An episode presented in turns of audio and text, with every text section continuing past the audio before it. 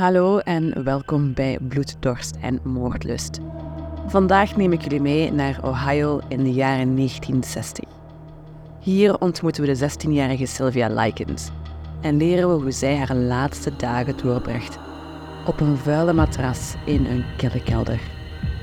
Voordat we verder gaan, wil ik jullie wel even uitnodigen je te abonneren op de Bloed, Dorst en Moordlust podcast en wil ik de luisteraars op Spotify vragen om een beoordeling achter te laten. Laten we beginnen.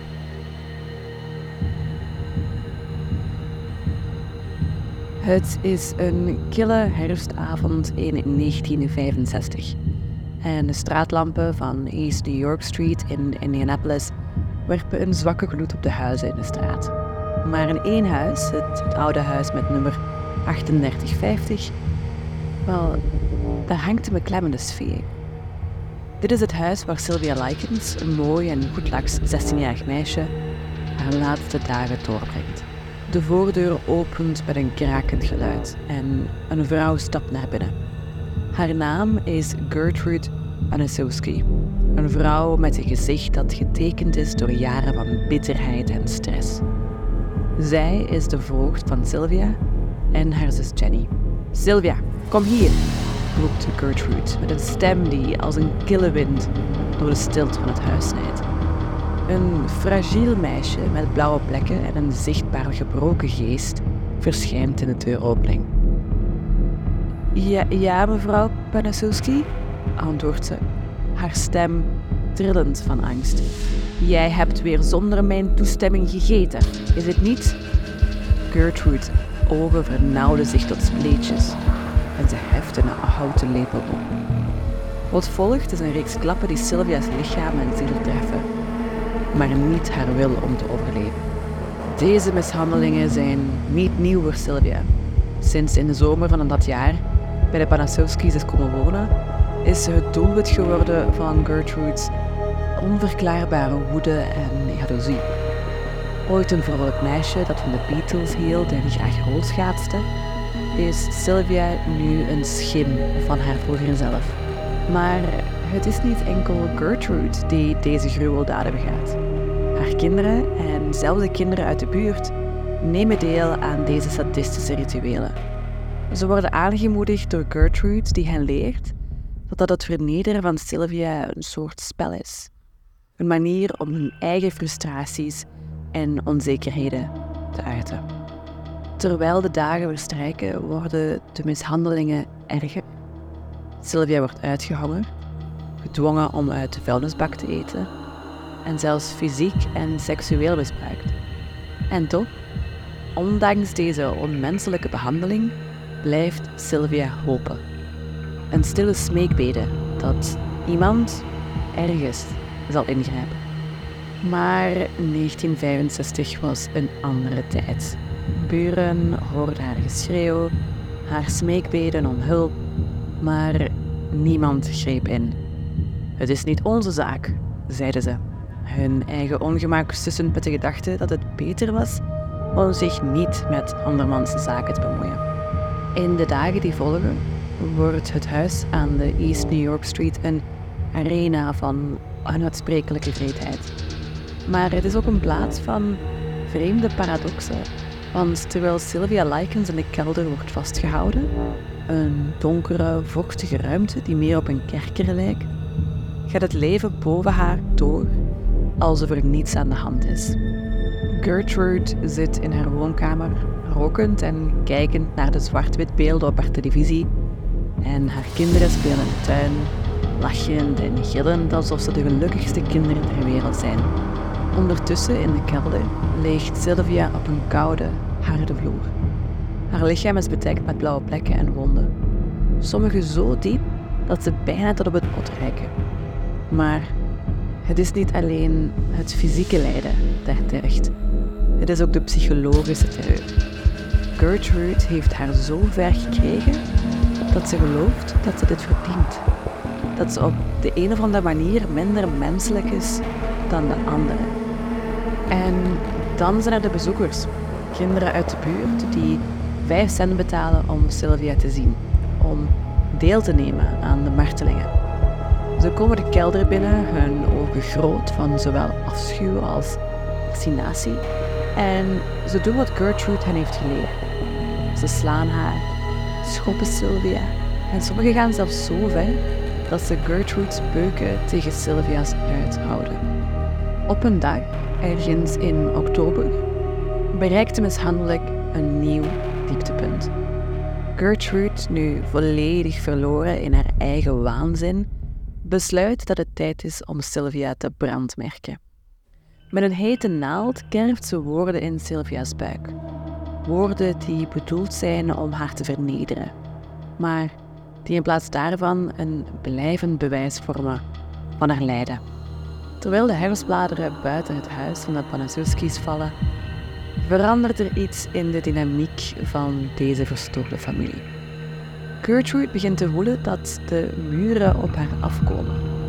Misschien is het de blik in Sylvia's ogen die, ondanks alles, nog steeds een, een vlam van onverzettelijkheid bevat.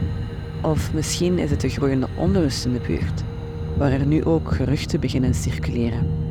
Op een dag in oktober krijgt Sylvia bezoek van haar oudere zus Jenny. Ze ontmoeten elkaar in het park. Een kortstondig moment van vrijheid en dat zowel bitterzoet als pijnlijk is. Sylvia vertelt Jenny over de mishandelingen, maar Jenny kan het nauwelijks geloven. Ah, je overdrijft, zegt ze. Niet in staat om de gruwelijke waarheid onder ogen te zien. Maar de waarheid heeft altijd een manier om aan het licht te komen. Zelfs in de donkerste omstandigheden. Een buurman die de mishandelingen niet langer kon negeren, belt naar de school en meldt dat er een meisje in het huis van Gertrude wordt mishandeld. De school neemt echter geen actie. Gertrude weet hen te overtuigen dat Sylvia een ongehoorzaam kind is dat is weggelopen. Ondertussen verslechtert Sylvia's toestand erg snel. Zij is nu zo zwak dat ze nauwelijks kan lopen en haar lichaam is een lappenteken van wonden en littekens. Gertrude, die beseft dat het einde nadert, dwingt Sylvia om een brief te schrijven waarin staat dat de buurtjongens haar hebben gemarteld. Het is de laatste wanhopige poging om de schuld van haar af te schuiven. Om zichzelf te redden ten koste van de buurtjongens en een stervend meisje. Op 26 oktober 1965 komt de lijdensweg van Sylvia tot een einde. Ze wordt gevonden op een matras, haar lichaam zo verminkt dat het bijna onherkenbaar is. De politie arriveert en arresteert Gertrude en haar kinderen, evenals enkele buurtkinderen die betrokken waren bij de mishandeling. In de daaropvolgende rechtszaak komen de gruwelijke details aan het licht en de wereld is geschokt door de diepte van de vreedheid die Sylvia heeft moeten doorstaan. Gertrude en haar kinderen worden veroordeeld, maar voor velen voelt het als een schrale troost. Want hoewel gerechtigheid misschien is gediend, zal Sylvia nooit meer de kans krijgen om te leven, om, om lief te hebben, om de vrouw te worden die ze had kunnen zijn. De rechtszaal is gevuld met een gespannen stilte als de juryleden één voor één binnenkomen. De ogen van Gertrude Banasowski zijn leeg, alsof ze zich heeft losgemaakt van de realiteit, ontkoppeld van de gruwelijke daden die ze heeft begaan. Haar kinderen, nu geconfronteerd met de gevolgen van hun acties, kijken angstig rond, zoekend naar een teken van medeleven dat er niet is. De rechter leest het vonnis voor. Gertrude wordt schuldig bevonden aan moord en veroordeeld tot een levenslange gevangenisstraf. Haar kinderen en de betrokken buurtkinderen krijgen verschillende straffen, variërend van voorwaardelijke vrijlating tot jarenlange gevangenisstraffen. Maar wanneer de hamer van de rechter neerkomt, is er een collectief gevoel dat geen enkele straf ooit genoeg zal zijn om de dood van Sylvia Likens goed te maken. De buurt, eens een plek van schijnbare normaliteit, wordt een schaduw van zichzelf. Mensen verhuizen, huizen worden verkocht. Maar de echo's van Sylvia's geschreeuw blijven hangen als een onuitwisbare vlek op het collectieve geheugen. Ouders houden hun kinderen dichterbij, bang voor de monsters die in menselijk gedaante kunnen verschijnen. Jenny Likens, de zus van Sylvia, draagt haar eigen kruis van schuld en verdriet. Ze had de kans om in te grijpen, om haar zus te redden, maar dat deed ze niet. Deze gedachte zal haar plagen tot aan haar dood in 2004. Een stille herinnering aan de kwetsbaarheid van het leven en de verantwoordelijkheid die we allemaal dragen om voor elkaar te zorgen. In een rustige hoek van een begraafplaats in Indianapolis staat een eenvoudige grafsteen met de naam Sylvia Likens. Het is een erg stille plek, ver verwijderd van de gruwelen die haar jonge leven hebben getekend. Maar als je dichterbij komt, zie je dat er altijd verse bloemen liggen. Kleine tekens van liefde en een herinnering van degene die weigeren om haar te vergeten.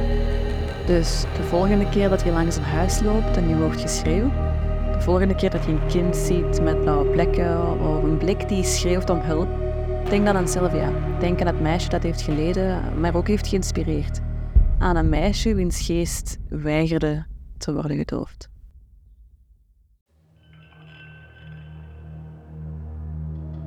Dit was Bloeddorst en Moordlust. Alvast bedankt voor het luisteren. En ik zie je volgende maandag weer. Als je durft.